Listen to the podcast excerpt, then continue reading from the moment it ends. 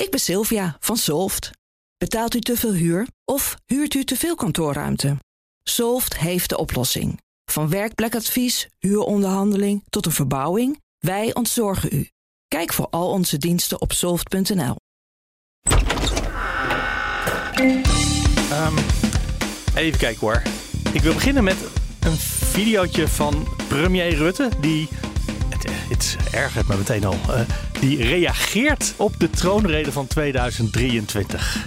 Ik ben er terug in het torentje, net eh, terug uit de Schouwburg. Eerste reactie van mijn kant op de troonrede. Ja, ik zou zelf zeggen een troonrede die past bij een demissionair kabinet. Oké, dit is de premier die zelf de tekst heeft geschreven. Sorry, dit is Studio Den Haag. Van vrijdag 22 september.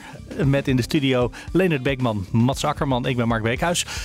De premier die reageert op zijn eigen tekst. Dat is toch een hele rare stijlvorm, stijlfiguur, hoe heet zoiets?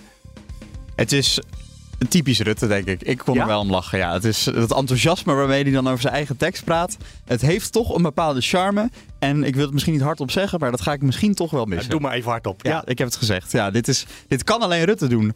Gewoon alsof je... reageren op je eigen tekst alsof je er nooit iets mee te maken hebt gehad. Ja, past precies bij een demissionair Ja, oh, die kabinet. troonrede van de koning, wat een goed stuk was dat zeg. Wie heeft dat geschreven? Ja, dat, dat kunnen niet veel mensen op die manier nee, zeggen. nee, ik vind ook dat het echt niet kan. Maar Het gebeurt trouwens vaker in de Tweede Kamer hoor. Dat eh, ook tijdens de algemene politieke beschouwingen. Dat op een gegeven moment Rutte en Klaver met elkaar stonden te praten. Dus van ja, dit is misschien eh, de laatste keer dat we hier zo staan. En dan zei Rutte, ja, voor u in ieder geval wel. Hè, want u moet plaatsmaken voor, eh, voor Timmermans. Ja, dit is een belangrijk moment, gingen ze op een gegeven moment zeggen. Ik zei, nou, hè, eh, jullie hebben wel een hoge pet van jezelf op, eh, dacht ik. dacht ik. Maar goed, Ja, Einde van het nog een sub- subtiele dis naar Jesse Klaver. Met, ja, eh, het is sowieso zeker dat jij eerder uit jouw functie bent dan ik uit die van mij. Omdat Ja. hij natuurlijk nog over de verkiezingen door demissionair premier blijft. En, ja. Per definitie. ja precies. Dus eh, Tenzij er zoveel voorkeurstemmen zijn dat Frans Timmermans gepasseerd wordt. Eh, Theoretisch kan dat, maar in de praktijk bestaat dat niet. ja, GroenLinksers zijn wel bovenmatig eh voorkeurstemmers. Hè. Die stemmen vaak op vrouwen en vaker op mensen lager Ja. op de lijst. Eh PvdA'ers zijn volgens mij wat meer, eh, ja, ik wou zeggen kuddedieren, maar gewoon wat meer mensen die gewoon het bovenste vakje aankruisen. Heb je dat ook hardop gezegd, dat het kuddedieren zijn? Nou ja, het is, het is meer, gewoon in lijn met de normale stemmer. Zeg maar. Oh, Veel mensen stemmen toch bovenaan Nou. op de lijst. En eh, volgens Ja. mij, voorkeurstemmen gebeurt volgens mij wel steeds meer. Maar Hm, geen idee eigenlijk. Maar bij PvdA is al heel lang eh, man, vrouw, man, vrouw, man, vrouw, man, vrouw. Dus misschien dat daar ook minder reden was om voorkeursstemming te doen. ja, dat zou ook kunnen.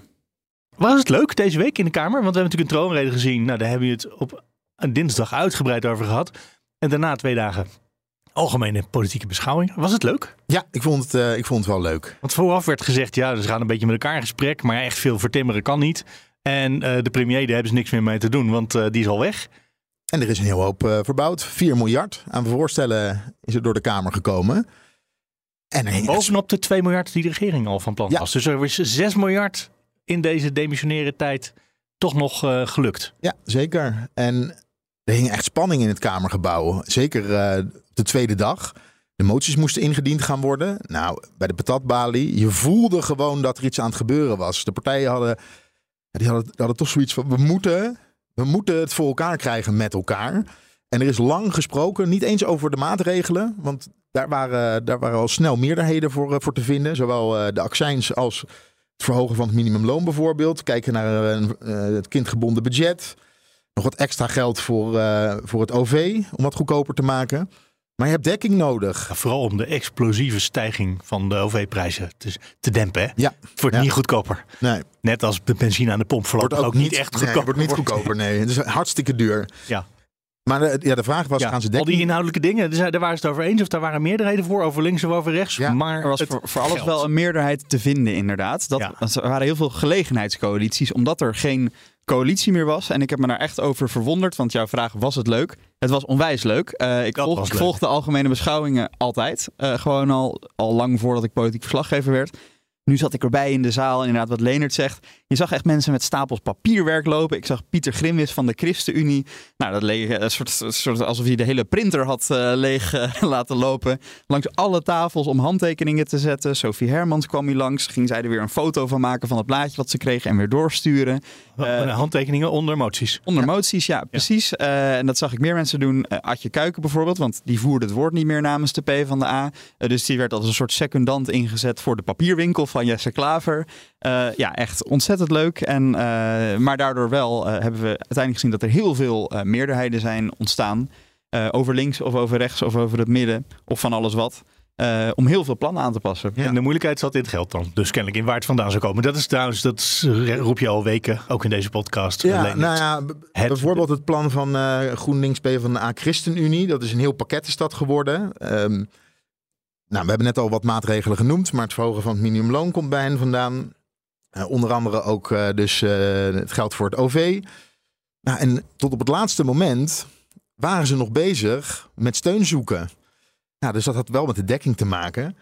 En wat hebben we vandaag gezien? Of vandaag, de afgelopen dagen, een demissionair kabinet. Het kabinet deed er eigenlijk gewoon de, deed er niet toe. En de Kamer is missionair. Dus de Kamer wilde laten zien, er is geen coalitie meer. Met verschillende meerderheden gaan wij uh, onze wensen gewoon voor elkaar krijgen. En dat is er dus gelukt. Ja, en andere keren dat ze demissionair zijn, gebeurt dat niet. Uh, de premier die heeft ook volgens mij alle moties ontraden. Want die vond zijn eigen begroting beter dan alles wat er aan bijstellingen was. Vooraf een enkele opmerking omdat er vrij veel voorstellen zijn gedaan uh, tot wijziging van de begroting. En ik ga die voorstellen uiteindelijk na appreciatie ontraden. Um, en dat doe ik om de volgende reden.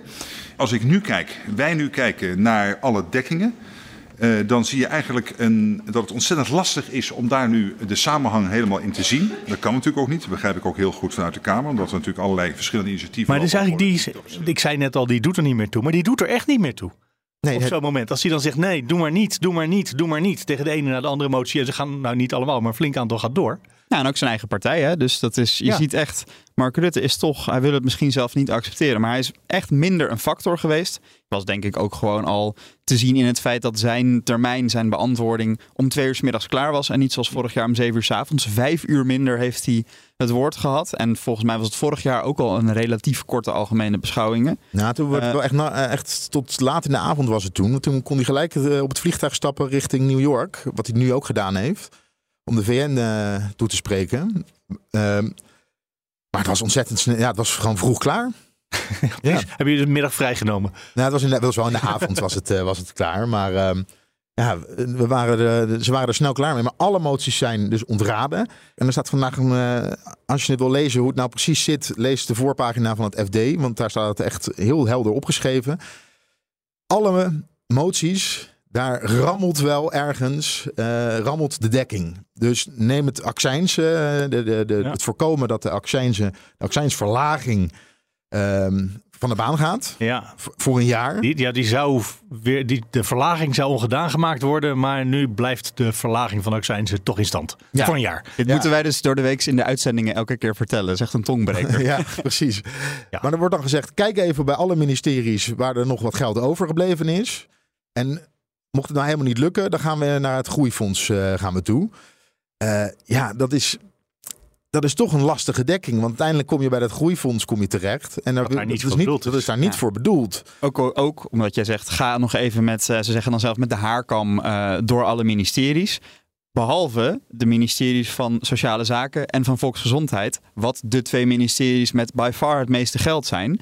Dus ontzie de grootste pot geld en ga bij al die andere kleine potjes geld krijgen of daar nog wat af te schrapen valt. en als dat niet lukt, kom je bij het groeifonds. Ja, maar je weet ook dat er bij elk ministerie in elke gang zijn er een paar projecten die nog even on hold staan en waar dit jaar geen geld aan uitgegeven is. Wat wel bedoeld was. Ja, precies. En het gaat dan om geld wat dan, waarvan wordt gezegd, het heeft nog geen bestemming. Uh, er moet nog, uh, moeten nog plannen voor worden gemaakt. Um, maar daarvan zeggen de ministeries zelf volgens mij ook, nou, het is niet zo dat het, op, dat het op de plank ligt omdat wij niet bezig zijn met plannen maken. Die, die komen er natuurlijk wel aan. Nee, dus we zetten het wel met een reden op een plank. dat ze een deel van hun budget kwijtraken. Dat snap ik wel. Of tenminste, dat snap ik eigenlijk niet, maar ik weet dat dat zo bestaat. En dan de plannen van uh, GroenLinks Partij van de Arbeid ChristenUnie. Ja, dat wordt dan gedekt uit onder andere de inkoop eigen aandelen gaan belasten van bedrijven. En dat moet 1,2 miljard opleveren. Maar daarvan is gezegd, ja, dat, dat, zou dan per 1 januari moeten gebeuren. Dat wordt heel lastig om dat nog, uh, om dat nog Er moet een wet geregeld worden tussen nu en ja, dan. Toptarieven, box 2 en 3 omhoog, banken uh, belasten. Uh, dat kan je allemaal zo doen. Ja, ik weet niet hoe makkelijk dat is. Maar... Nou, tarieven, dat zijn percentages in, uh, in een tabelletje wat er al is. Ja. Eh, dus dat, is- ja, dat, als je toch een belastingplan moet behandelen, Ja, kan je dat tarieven ook wel doen. aanpassen, dat is volgens mij iets makkelijker. Maar, Ja, inderdaad, maar een dat- hele dat nieuwe, aandelenplan is een hele mij nieuwe belasting invoeren, dat is misschien wel ingewikkeld. Dus ja, dus ook dat rammelt. Maar de- daar werd niet om gelachen. Eh, voor het contrast, er werd wel gelachen om Caroline van der Plas. Mevrouw Bikker, gaat u gang. Ja, voorzitter, over de eerste motie, als ik het goed heb van mevrouw Van der Plas. Hoorde ik het goed dat zij vroeg om het minimumloon een beetje te verhogen en dat te dekken uit de uitgaven? Ja, Dan heb ik eigenlijk twee vragen. Waar moet ik aan denken bij een beetje? En waar moet ik aan denken bij de uitgaven? Waar, wat is uw dekking? nou een beetje zou eh, 1 à 2 procent eh, kunnen zijn. Tot 2 procent misschien. En we zouden kunnen denken aan het eh, bevriezen van de, van de Rijksdienst. Bijvoorbeeld het aantal, eh, bij het aantal ambtenaren. Niet meer uit te breiden met het aantal ambtenaren. Je zou ook kunnen denken aan het eh, minder gebruiken van consultancy en adviesbureaus. Waar jaarlijks eh, bijna 3 miljard eh, ingestoken wordt. Dus eh, er zijn genoeg uitgaven die we bij onze eigen overheid eh, kunnen schrappen om dit mogelijk te maken. Vraag van de heer Bontebal, CDA. Ja, voorzitter, ik zit toch nog een beetje na te denken over die motie over het minimumloon. Heeft mevrouw Van der Plas een idee wat ongeveer 1% verhoging van het minimumloon kost? Mevrouw van der Plas. Ehm, heb ik niet zo paraat. Volgens mij is het meer dan een miljard. Als we, een, als we 1%, als we heel flink de kaasgaven over het ambtenarenapparaat zouden halen, inclusief soldaten, agenten enzovoorts, dan haal je volgens mij, als je het heel grof doet, 200 miljoen op, misschien. Ehm, dus het is een hele ongedekte motie. Er zijn heel veel partijen die proberen heel netjes dekking te zoeken. En u dient even een vrij grote, grove gratis biermotie in, waar miljarden mee gemoeid is en u dekt hem niet. Ik vind dat wel een beetje, eh, dat is niet heel financieel degelijk. En het verbaast me eerlijk gezegd ook dat eh, collega Omtzigt deze motie dan steunt. Ja, en Pieter Omtzigt, dat viel wel op. In zijn bijdrage zei hij van ja, ik heb het hier vaak over ons, ons zorgvuldig bestuur gehad. Maar de Kamer is nu ook wel overmoedig. Er wordt nu even op een namiddag wordt er voor miljarden aan de begroting verbouwd.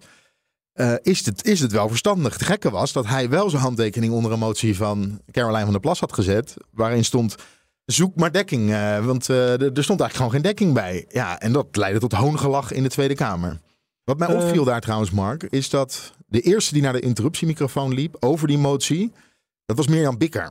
Mhm. En Mirjam Bikker was de dag daarvoor ook al met Caroline van der Plas in debat gegaan. Dat ging over de woningbouw. Hè, de en hoe ga je het huren op. Is dat het? Ja, want volgens mij is zij aan het kijken van het, het gezond verstand, het logisch nadenken.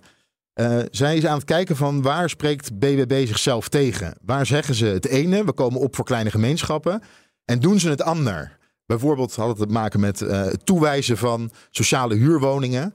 Er was een eh, initiatiefvoorstel was daar vanuit de ChristenUnie onder andere voor gekomen. De sociale huurwoningen toewijzen aan mensen die in, in het dorp wonen, leraren of eh, eh, de, de politieagent. Ja. Nou, daar was BBB was daar niet voor. Eh, de middenhuur reguleren zijn ze ook niet voor. En dan zegt Mirjam Bikker, ja, maar dat is nou juist wat nodig is in die kleine gemeenschappen.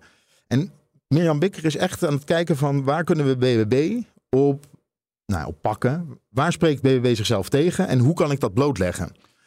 En dat gebeurde dus ook met die motie. Zo van, ja, u komt nu met een motie en het is totaal onduidelijk wat u nou eigenlijk wil. Er staat niet bij hoeveel procent het minimumloon omhoog moet, hoe u het wil dekken. En daarna viel de hele Kamer erover, ook Bontebal, van weet u eigenlijk wel hoe duur het is? En ze zijn nu echt, want ze doet heel veel op intuïtie, Caroline van der Plas. En Kamerleden zijn nu bezig om te laten zien dat het intuïtie eh, Caroline ook wel eens in de steek laat. Je kan daar wel een heel eind mee komen, maar misschien als je echt met grote mensen mee wil doen, is intuïtie niet meer genoeg?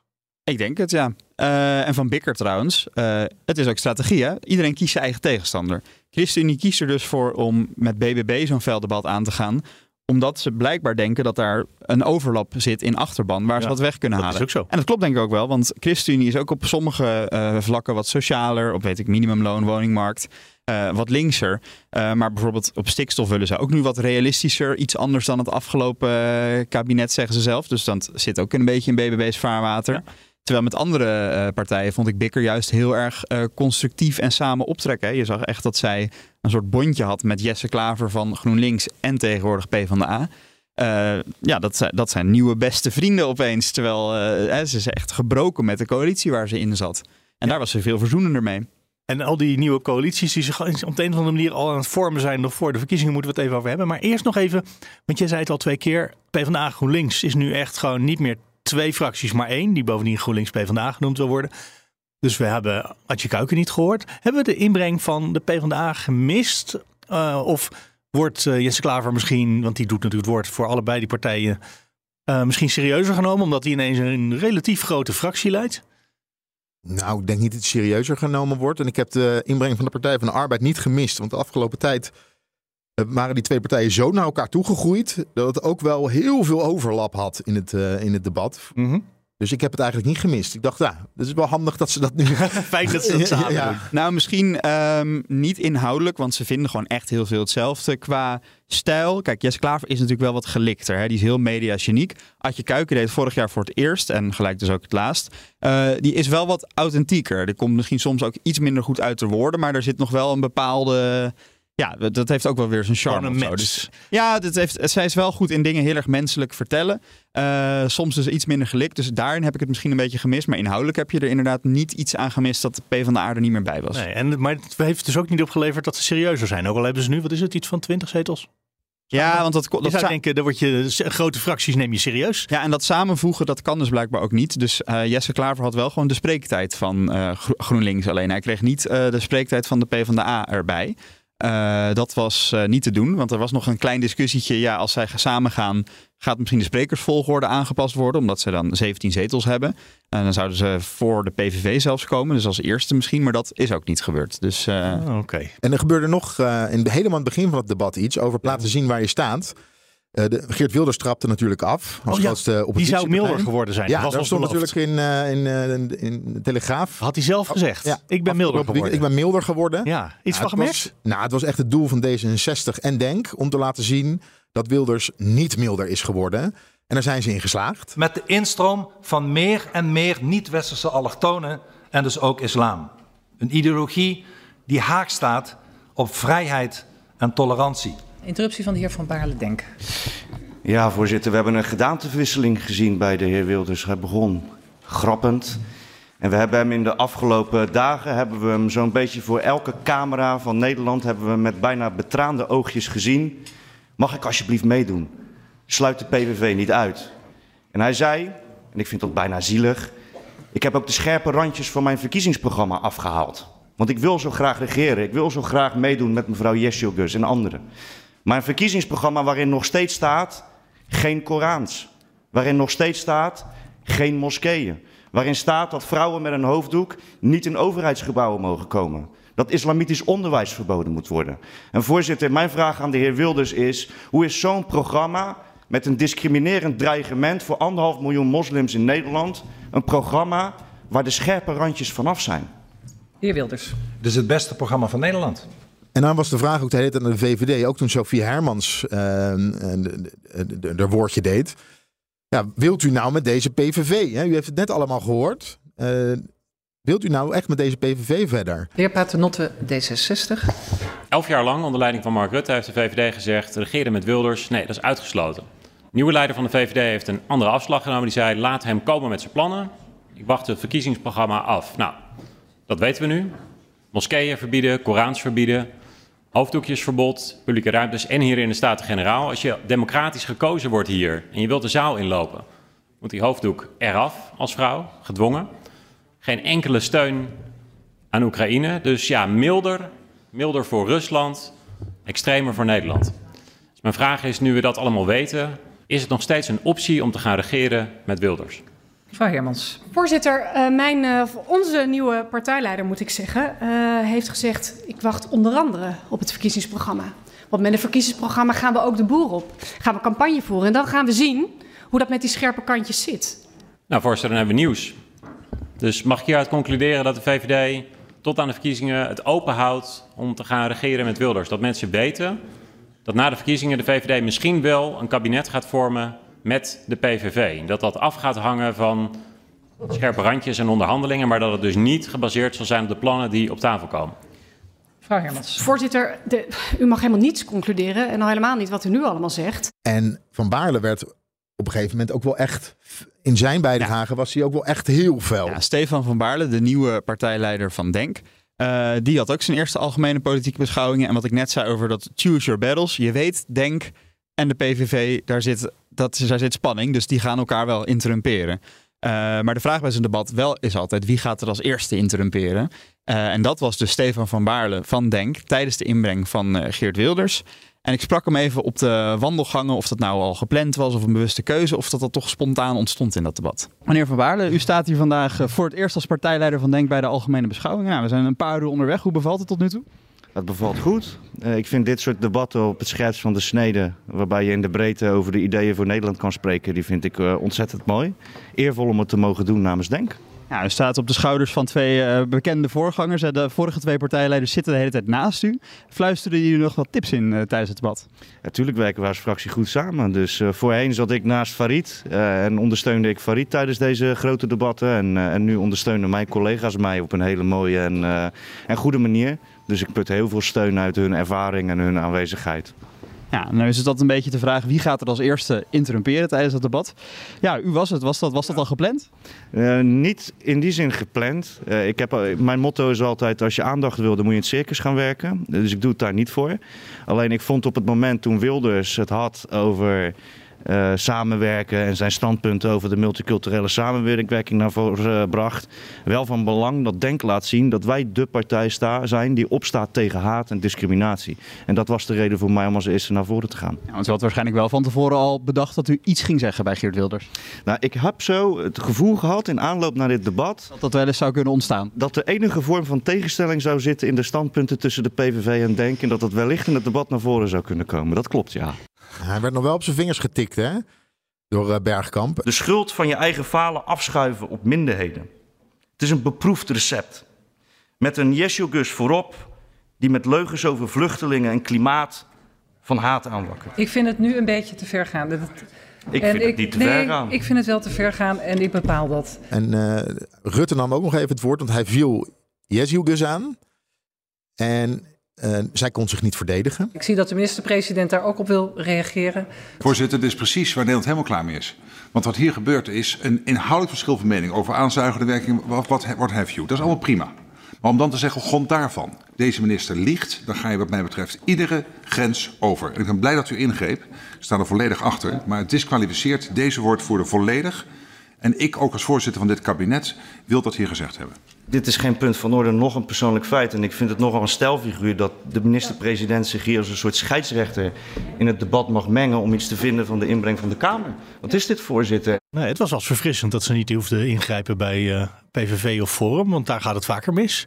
Ja. Uh, ook leuk om dan te zien vanaf de tribune wat er op de bankjes gebeurt. Farid Azarkan en Tuna Hankuzu, de twee andere Kamerleden van Denk en de twee vorige partijleiders, die dan echt met hun armen verontwaardigd aan het zwaaien zijn. En op het moment dat zo'n Van Baarle dan weer gaat zitten, schouderklopjes en uh, echt mental support. Echt, ja, ze, ze, ze zet hem helemaal zo vol te stuwen met energie. Dat is echt heel erg leuk om te zien ook. Ja, terwijl, nou ja, hoe heftig is het als je het woord ontnomen wordt? Ja, maar ik kan me wel voorstellen dat als jij de eerste keer zo'n groot debat moet doen, vol in de schijnwerpers, uh, als nieuwe partijleider, dat je daar echt toch wel een beetje zenuwachtig voor bent. Van Baarle struikelt ook soms nog een beetje over zijn woorden. Uh, daarom hoor je dan dat iemand misschien toch nog een beetje gespannen is. En dan heb je toch even je twee voorgangers die er de hele tijd een beetje zo op zitten te fokken om, uh, om het goed ja. te doen.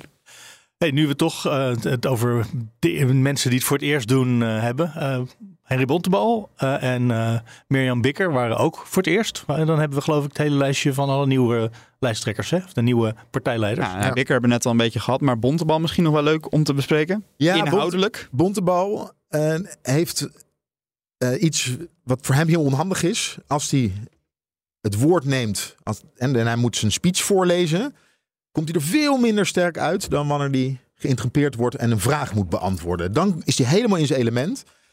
Maar zo'n voordracht geven, ja, dat gaat hem toch nog wat minder goed af. Vond ik hem niet zo heel sterk in. En had hij hele sterke interrupties. Ik, ik vond hem een beetje vlak. Of tenminste, hij is me eigenlijk niet zo opgevallen. Dat is wat ik misschien eigenlijk bedoel te zeggen. Nou, ik denk Klopt, dat juist heel veel mensen hem nu wel gezien hebben. Vanwege de interruptie op Caroline van der Plas. Jawel. Bikker begon.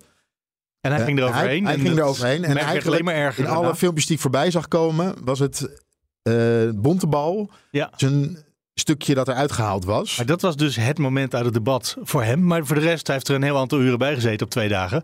Dat, dat is, ja. Nee, het, hij is me ook niet super veel opgevallen. Inderdaad, Vooral omdat Leonard, jij eh, van tevoren zei, eh, hij gaat ons verrassen. Dat zei je de afgelopen weken. Bontebal gaat ons verrassen. En, maar de, de, dat is dan gisteren en eergisteren niet gebeurd. Nee, nog niet. Nog En ook wel, denk ik- Dat die verrassing komt nog. Ja. Ja, en ook wel denk ik, dat is ook interessant om te bekijken tijdens een debat. De eerste dag komen alleen de fractievoorzitters aan het woord. En eh, je hebt spreektijd op basis van je fractiegrootte. eh, maar die wordt een stuk langer als je vaak wordt geïnterrumpeerd.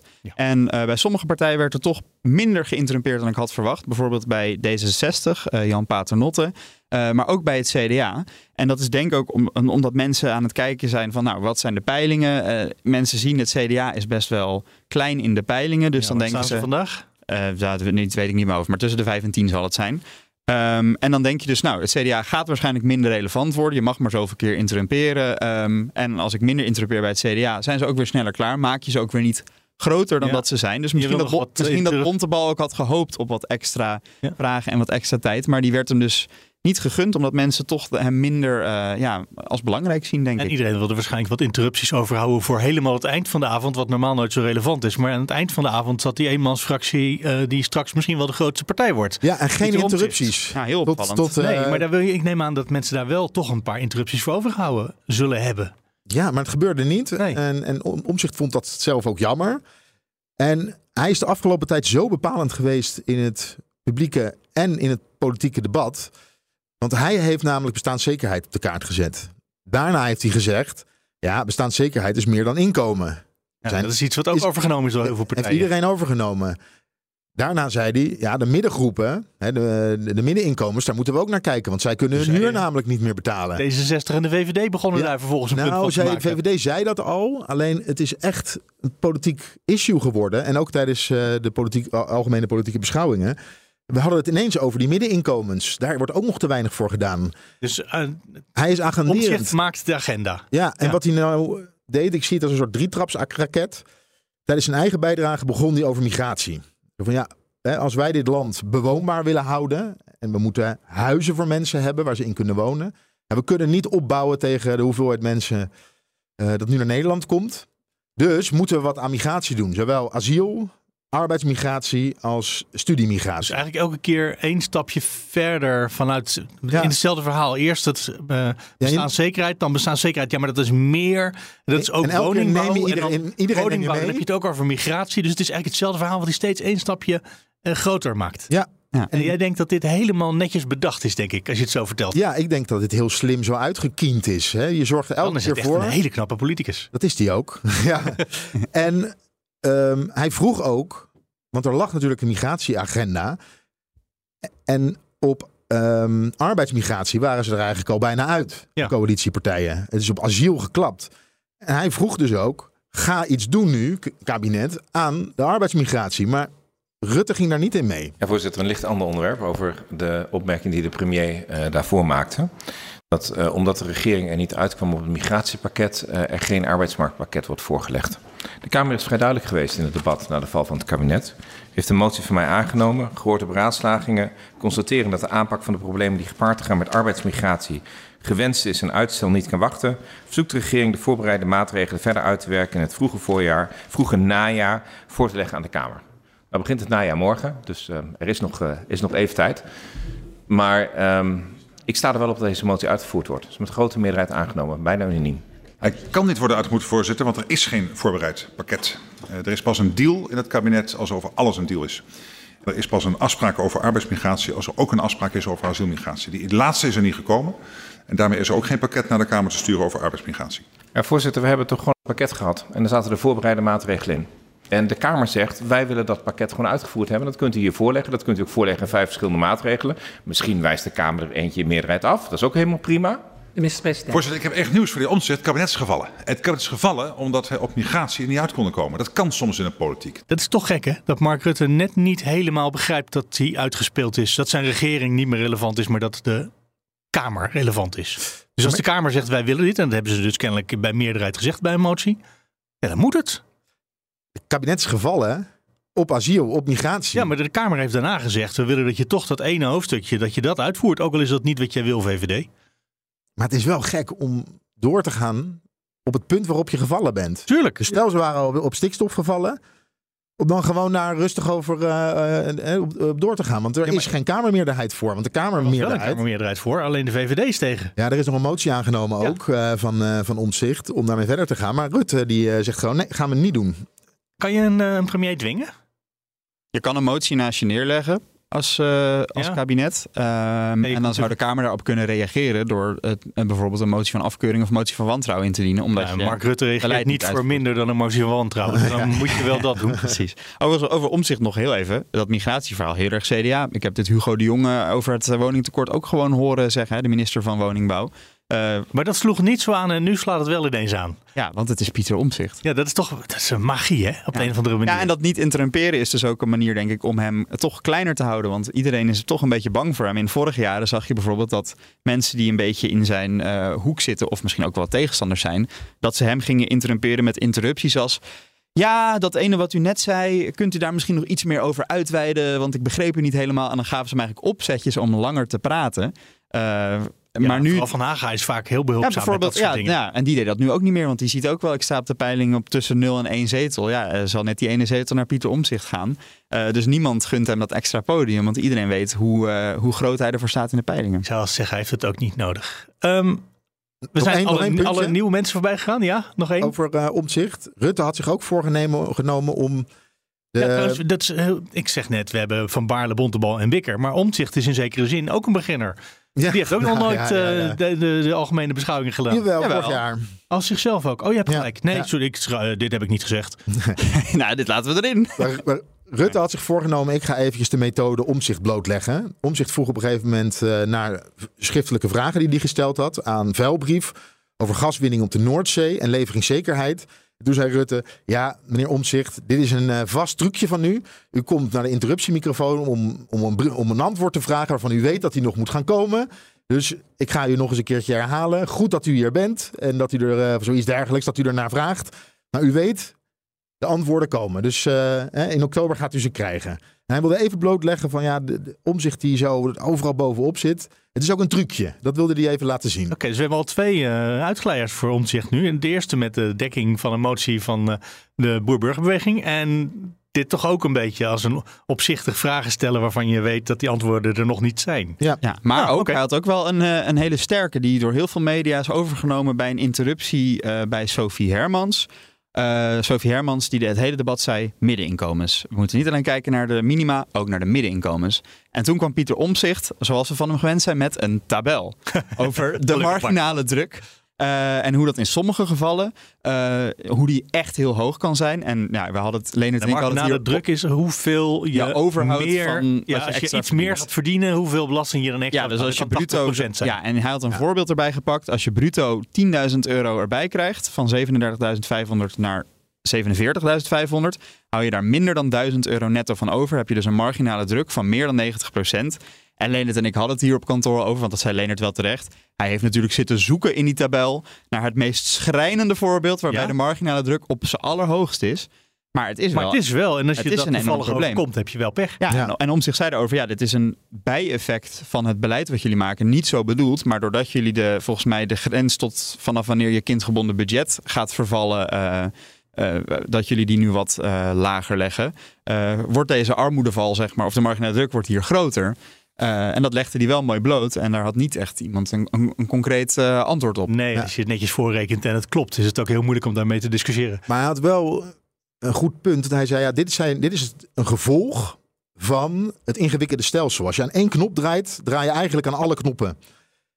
En daardoor waarschuwde hij ook voor alle moties die vanuit de Kamer kwamen, onder andere over het minimumloon.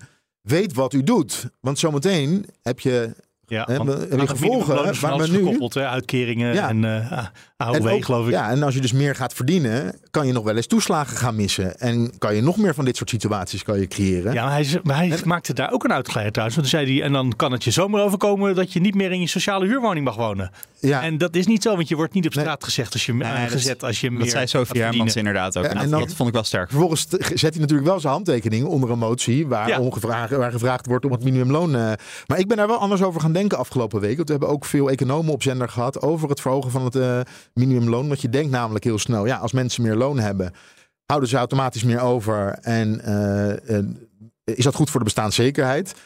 maar hoeft dat is niet per se. Nee, er zijn, er zijn, er zijn grote gevolgen. Eh, ten eerste de, de loonsprijsspiraal, hè, de oververhitte economie. Het kan gevaarlijk zijn om de lonen te verhogen. Te veel. Te veel. Daarbij. Ja, ik ga eh, meteen even, want op het ogenblik hebben we geen last van een loonprijsspiraal, maar maar van een winstprijsspiraal. Ja. Die is door economen Ja. ook aangetoond. Maar Maar goed, ga verder. Ehm, ze- eigenlijk, kern van het verhaal is. Je moet eigenlijk kijken naar eh, box 1. En als je werken wil laten lonen, moet je Box de inkomsten, de inkomstenbelasting. Ja, de inkomstenbelasting verlagen. Dat is een veel doelmatiger eh, instrument. Maar ook ingewikkeld krijg je ook niet in, in no time heb je dat voor elkaar. Dus ik ben daar wel anders over gaan nadenken. Van ja, er zitten wel grenzen aan het minimumloon verhogen. Het is ook heel duur voor de overheid, omdat de uitkeringen er allemaal aan gekoppeld zijn. Ja. En je zou Wij die, kop- schijnen- wij schijnen en je zou die heel koppeling hoog- kunnen loslaten, omdat bijvoorbeeld onze AOW een van de hoogste van Europa is, hoorde ik eh, een van die hoofdeconomen eh, Ja. maandag bij opeen zeggen. Eh, maar die koppeling loslaten, dat ligt politiek heel gevoelig en daar is Ja. niet echt meerderheid voor. Nee, daar hebben we het afgelopen jaar misschien natuurlijk nog een hele, een hele con- confrontatie in de Eerste Kamer over gehad. Maar Ja. we hebben ook een van de hoogste minimumlonen, begreep ik. Dus eh Ja, daar dus zou je ook denken, dan weer is de het... vraag, prijs je jezelf dan uit de markt eh Ja, en is dan het gezien? verhogen op de oplossing of zit het inderdaad in wat je overhoudt van wat je verdient? Ja, en wat kun je ervan betalen? Want Ja, als je zijn inderdaad... allemaal anders gaan denken, Leonard. Ja, en ook, daar zijn eh, deze week eh, meerdere artikelen over verschenen. Ehm, de armoede is, in plaats van iedereen denkt dat de armoede gestegen is, maar als je het bijvoorbeeld vergelijkt met eh, 2021, is het gedaald. Maar nu hebben we het er ineens over. Hè? En tuurlijk, armoede voor alle gevallen, je wil het niet. Maar het lijkt net alsof we nu ineens in een situatie terechtgekomen zijn waarin een heel groot deel van Nederland plotseling in armoede terechtgekomen is. En dat is niet het geval. Het is over omzicht zijn, aantal, ja. over omzicht zijn eh, agenderen van, eh, van bestaanszekerheid. Ja, dit is nu eigenlijk wel een, eh, dit is nu een, een trend in politiek Den Haag. En het is niet iets wat plotseling ontstaan is waar we iets aan willen doen. Weten we waar dat van komt? Dat we, er, dat we het ineens over armoede hebben? Want, ik bedoel, ja, Ja. Heeft het erover, maar eh, dat is toch net niet genoeg reden. Het CPB is, eh, eh, en het SCP zijn in hun ramingen, en het CPB zeker, automatisch de armoedecijfers mee gaan nemen. En sindsdien zien we ineens die statistieken. En kan je dus ook heel duidelijk zien, hé, hey, de armoede neemt toe. Ja. En dat, in het Maar verleden zij zijn gebeurde ook- dat je niet. Zegt, zij zijn, in, zijn dat gaan meenemen, maar zijn dat gaan meenemen omdat we het belangrijk vonden. Nee, oh ja, oh ja klopt. Daar is, dat er, daar is vanuit Politiek Den Haag om gevraagd om dat Ja. te doen. En dat gebeurt pas sinds een aantal jaar. En sindsdien is het ook ineens op de kaart gekomen, armoedebestrijding. Als je een En, cijfer hebt, dan kan je weten waar je staat dan kan je Ja. het erover hebben. Ja, minister voor armoedebeleid hebben we ook. Dat geeft het denk ik ook meer aandacht. Maar goed, in het debat ging het minder over armoede en meer over bestaanszekerheid. En de middeninkomens. Hè? Ja. En eh, benzine. En benzine. Toch? De prijs aan de pomp. Ja, en gelukkig ging het over openbaar vervoer ook. Want dat vind ik altijd zo gek. Dat je dan zegt, ja, de, de prijs van benzine moet omlaag. Want anders kunnen mensen niet meer naar hun werk komen. Dan denk ik, nou, ik kom dus met de metro. Eh, dus ik heb niet zoveel aan een lagere benzineprijs. Maar als het openbaar vervoer niet eh, nog twee kwartjes duurder wordt elke dag. Ja, maar dat is wel. eh, we zitten hier wel even in Amsterdam, hè, waar het openbaar vervoer heel erg goed dekkend Oh is. ja, zeker. En dat is op heel veel plekken niet zo. familie die op plekken wonen waar geen openbaar vervoer of heel weinig Kijk, je kan die accijnsverlaging op benzine wel op twee manieren uitleggen. Aan de ene kant, wat economen ook wel zeggen, is hè, het is wel een vrij een beetje schieten met hagel. En het komt ook wel veel bij hoge inkomens Ja. terecht. Maar de uitleg van de VVD, je zal maar net die ondernemer zijn die eh, voor, voor zijn werk elke dag met een busje door het land moet rijden. Of eh, je zal maar een minima zijn eh, met, met een niet heel goed betaalde baan, waarvoor je toch elke dag niet met het OV kan gaan. Dan scheelt het echt wel veel geld. Ja. En, dus je bereikt er ook wel echt mensen mee die het nodig hebben. Eh, en misschien inderdaad is het niet, eh, misschien kan het effectiever, maar ja, je helpt er ook echt wel mensen mee. Ja, de box 1, eh, dus de, de inkomsten, inkomstenbelasting eh, een beetje verlagen onderaan. Dan he- heb je ook meer geld over om te tanken als dat nodig is. Nou, en het we- blijft helpen in het klimaatbeleid natuurlijk, zeg ik dan toch eenmaal. maar laten we eventjes, eh, wat gebeurt er nou? Nu is ongeveer het minimumloon 13 euro. Dat betekent, als je dat met 1,7 procent eh, gaat verhogen, zoals eh, Partij van de Arbeid, Groen, eh, GroenLinks Dus dat is de 1 à ChristenUnie, 2 procent van Caroline van der Plas ook, hè? Ja, eh, 1,7. dat, dat gaat om 22 cent per uur. Nou, dat is precies wat je per liter extra moet betalen, ongeveer. Dat is 21 cent. als je gaat tanken. Mhm. Dus ja, het heeft wel degelijk, ga je dat merken in je portemonnee. Het heeft echt een groot effect voor mensen die vaker in de auto zitten en niet zo'n brede, niet Ja. zo'n grote beurs hebben. Maar over armoede gesproken, Timmermans. Die leeft niet in armoede, of wel? Die heeft toch iets van drie ton wachtgeld, want daar wil je vast heen? Ja, er was natuurlijk eh, Een grote afwezigheid. Een momentje over, eh, over wachtgeld. Dat werd door Geert Wilders werd dat, eh, werd dat ingebracht. Caroline van, van der Plas sloot zich daarbij aan. En wat bleek vandaag bij Humberto? Gisteravond. De nummer twee van Boerburgerbeweging krijgt ook wachtgeld. Mevrouw Keizer, heeft u wachtgeld? Ja. Gaat u campagne voeren? Eh, deels wel, ja, klopt. Maar ik heb ook... Ja, maar, ja, dat maar klopt. snapt ja. u? Ja. Ik, dus dan snap ik deze opmerking niet goed. Ja. ja. Ook niet, hè, denk ik. Kijk, wat Caroline daar zegt is... hij heeft ontslag genomen uit een baan om dit Wachtgeld te is gaan doen. wachtgeld. Wachtgeld is wachtgeld, dus daar heeft u helemaal gelijk in.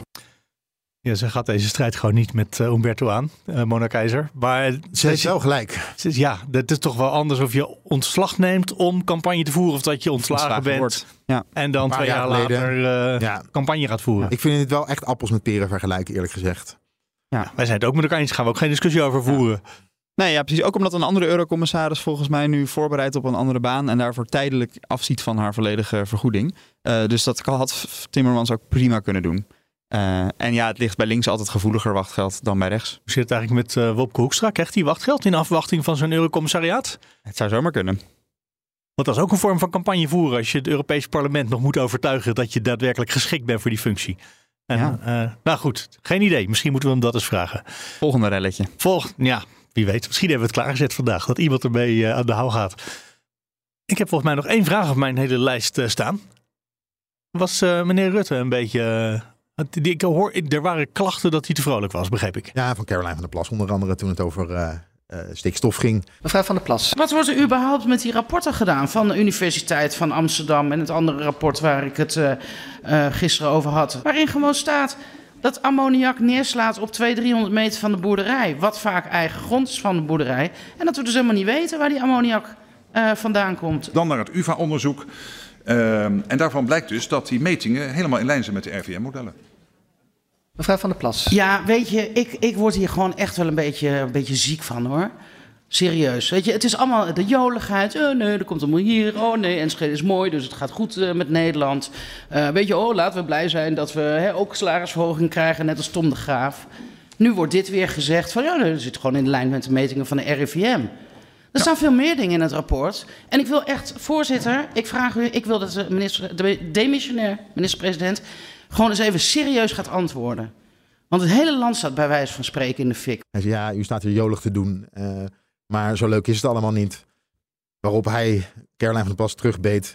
eh, want het speelt bij heel veel mensen in de samenleving. Van, ja, u, u zegt de hele tijd dat u voor al die mensen spreekt, maar wij weten het ook echt wel hoor. U bent niet de enige die U namens... heeft niet het monopolie op Ja. eh, de emotie van stikstof. De vraag van mevrouw Van der Plas is om wat inhoudelijk wat uitgebreider Serieuze te antwoorden, niet reageren alleen- op de Sorry. vragen die u gesteld heeft. Ja, mevrouw van der Plas, voorzitter, heeft niet het monopolie op de emotie en op de zorg voor mensen te maken hebben met de stikstofproblematiek.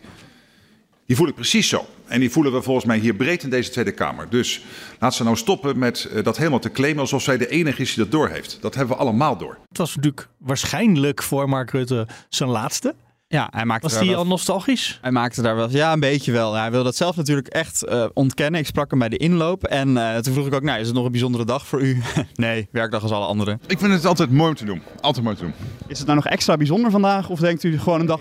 Aan het werk, gewoon aan het werk, maar altijd bijzonder. Heeft u daar nog een gevoel bij dat het de laatste keer is? Nee, me- meer dan eh, hard aan het werk en de baan netjes afmaken. Gewoon lekker aan het werk, zoals we hem kennen. Ook achteraf, ja, en het zit erop. Bent u nou weemoedig? Nee, nee, ik ga door naar de VN. Ehm, maar het was toch echt wel te merken in het debat dat hij... Hij maakt altijd wel grapjes en hij is natuurlijk altijd wel altijd rem, maar het was echt nog wel weer wat meer dan normaal. Eh, hij maakte nog een verwijzing van ja, en alle media hadden gezegd dat ik hier maar heel kort zou staan, omdat niemand me vragen zou stellen. En nu doen ze het toch. nou, eh, leuk hè, ik kan Ja. nog lekker doorpraten. Ja, maar het klopte wel, want jullie waren om twee uur of zoiets klaar in plaats van uh, ja. middernacht. eh, Ja, dus, ja, het was veel eerder klaar, ja. ja, het lijkt me, dat, dat lijkt me moeilijk. Want hij moet ook nog gewoon misschien wel een jaar aanblijven. Eh, Nou, terwijl die eigenlijk... Hoe lang de formatie duurt. Ja, dat, dat- goed, ja ik, ik roep steeds dat dat twee maanden duurt. Maar iedereen tegen wie ik dat zeg, zeg geeft dan als antwoord... nou, het kan best wel eens weer een jaar duren. Zitten ze er volgend jaar nog steeds. Maar dat lijkt me echt heel moeilijk. Als je eigenlijk al weg bent... en ook niet van plan bent om door te gaan zoals de vorige keer... maar dat je gewoon niet meer zo relevant bent... maar je moet nog wel op de winkel blijven passen. Dat is toch, dat is toch een lastige positie? Ja, het is of is het eh, heel makkelijk en vrolijk juist voor hem? Die, hij, hij, is nu, ja, hij doet nog wat hij kan, maar verder niet meer zoveel. Ik denk echt de tweede. Want eh, die baan, dat premierschap, weet je, hij weet hoe dat werkt. En dat kan hij wel doen. En eh, er hangt nu ook niet meer weer een volgende verkiezingsoverwinning aan. Dus hij zit, er, hij zit heel relaxed in de wedstrijd, voor mijn gevoel. Ja, maar er valt ook geen eer meer aan te behalen. Ik bedoel, hij Ja, wil geen eigenlijk eer meer aan geen- te behalen. Welke, eer, welke, meer, eh, welke eer moet hij nog behalen? Hij is 13 jaar premier geweest. Volgens mij vindt hij zelf dat hij dat 13 jaar hartstikke goed heeft gedaan, grosso modo. Ja. Ehm, ja, weet je, hij hoeft in die laatste paar maanden denk ik echt niet nog hele gekke punten voor de VVD te scoren of zo. Dat, dat, dat, dat, is, dat is echt wel van hem afgegleden. Daar heeft hij een ander persoon voor gevonden. Dylan Jessicus, die de hele dag achter hem in vak K zit en eh, met haar mimiek alleen maar eh, het debat eh, kan volgen. Ja, het was heel mooi. Ik weet niet eens meer wie er iets zei, maar iemand zei iets. En uh, Jesse die zat echt heel teleurgesteld. Van nee, echt niet, echt niet. En naast haar zat Frank Weerwind van D66. Hij zat instemmend, groot glimlach op zijn gezicht. Ja, te knikken. En ik denk, oh ja, dat is dus hoe een regering vroeger met één mond sprak. En nu mimiek, nee, dat Ja. is niet meer hetzelfde. Nee, die zijn echt uit elkaar. Nee, en eh, nou goed, misschien nog even leuk om Dylan Jessicus te horen over hoe zij, eh, hoe zij daar in vak K zat. Ehm, ontspannen te luisteren naar de Mark Rutte. En is het dan niet vervelend dat u nu als partijleider de hele dag je mond moet houden? Nou, nee hoor, dat hoort er gewoon bij. Ik zit hier als eh, minister. Ehm, dus ik ga gewoon eh, goed aanhoren wat er in het debat gebeurt. Maar wat Mark Rutte vandaag gaat zeggen, heeft hij dat zelf bedacht of is dat eh, vooral uw invloed? Nee, we zitten hier als kabinet. Dus hij zit hier als demissionair minister-president, kabinetsplannen eh, te, te verdedigen en uit te leggen en in debat te gaan. Dus het is echt, ik snap dat het soms verwarrend kan zijn, maar ik zit hier echt als minister. Dus niet op uw tong bijten. Nee, gisteren een beetje, maar vandaag eh, kan ik goed luisteren. Nou, ik zag u af en toe ook wel heel erg instemmend knikken als eh, Sophie Hermans aan het woord was. Ja, ze zei hele zinnige dingen. En die, die accijnsverlaging op, eh, op benzine die de VVD graag wil, heeft u daar nog op aangedrongen binnen het kabinet? Ik in niet binnen het kabinet, want die rollen moet je echt goed gescheiden houden. Ehm, maar ik vind het heel erg goed om te kijken wat de middeninkomens, mensen met een gewone baan, met een prima inkomen, die nu eh einde van de maand denken: kom ik, er nog wel, eh, kom ik er nog wel goed uit? Kan ik mijn rekening nog wel betalen? Dat je ook met hen meedenkt: wat hebben zij nu nodig? En dan vind ik het heel slim dat, die, eh, dat het verzoek om de accijns te verlagen, om de stijging eigenlijk terug te draaien, dat dat op tafel ligt. Ja, grappig hè, want ik moest er zelf even om lachen. Of ze zei Sophie Hermans, ja, ze zegt hele zinnige dingen. Ja, daar moest ik op lachen, want dat vond een beetje ontwapenend. Eh, want zij spreken natuurlijk exact af van tevoren wat ze gaan zeggen. Sophie Hermans staat op twee op die lijst eh, onder eh Dylan Jessicus. En haar laatste antwoord over die accijnsverlaging. Het is dat ze een andere stem hebben, maar Sophie Hermans had het kunnen zeggen. Dat is gewoon de VVD-campagnelijn uitgesproken. Terwijl wij hier zitten op te nemen, komt er trouwens van het ANP een berichtje binnen. Dringende oproep van Van den Burg aan de gemeenten. Zaterdag hebben wij 450 plekken nodig voor asielzoekers. Dus de regering kan er wel gevallen zijn, maar de asielopvang is daarmee nog niet opgelost. Precies, Mark. En ik las ook nog dat de spreidingswet volgens mij nog versneld behandeld gaat worden. Maar dat Ja, heeft dat niet is- gevolgd. dat, eh, komt door de koekoek. Ook spannend hoe dat afloopt, want dat kan natuurlijk ook heel snel met spoed nu afgeserveerd zijn dan straks. Niet dat het dan opgelost is. Nou, dat gaat dan wel een debat worden hoor, Mark. Ja, dat klopt. Nee, maar ik bedoel, als je een spoedbehandeling hebt, dan kan het met spoed aangenomen of afgewezen zijn. Ja, dat Je weet alleen maar eerder waar je aan toe bent. Heb je nog dingen waarvan je zegt, nou, daar hebben we het nog niet over gehad, over deze algemene politieke beschouwingen, wat we wel moeten bespreken? Volgens mij zijn we er zo, Mark. We zijn wel een nieuwkomer vergeten, bedacht ik me ergens halverwege. Christoffer van de SGP. Ja. Maar die voelt inderdaad ook niet als een nieuwkomer. Het, het, het deed van der Staaij wel eer aan, vond ik. Het was echt gewoon wat je ervan verwachtte, maar ik vond het best wel sterk voor de eerste keer. We hebben het toch nog even gezegd. We zijn er. We zijn je niet vergeten, Christoffer. Heb je nog iets leuks op het einde, Leendert? Of was dit zo'n drukke week dat er eigenlijk helemaal geen ruimte meer was voor nog leuke dingen?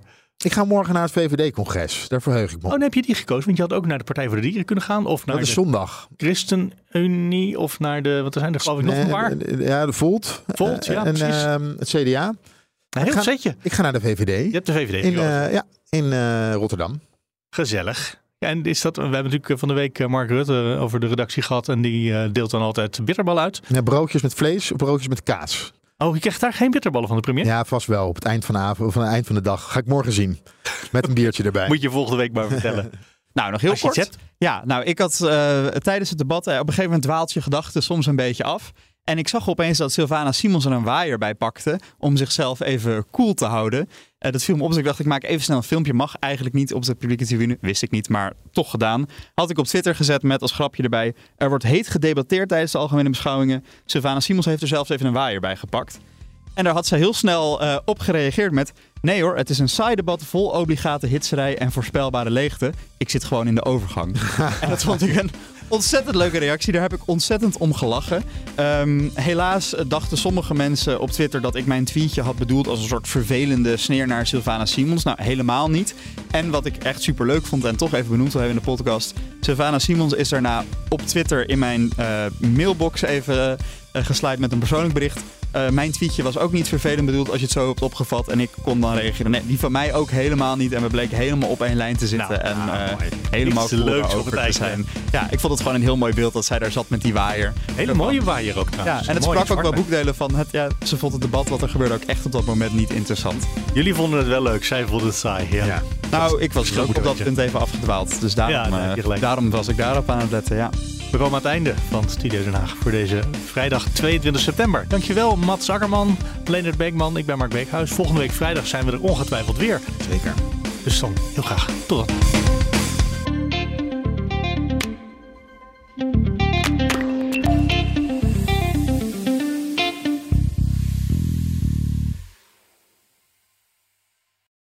Ik ben Olivier van Solft. Betaalt u te veel huur of huurt u te veel kantoorruimte? Solft heeft de oplossing. Van werkplekadvies, huuronderhandeling tot de verbouwing. Wij ontzorgen u. Kijk voor al onze diensten op soft.nl.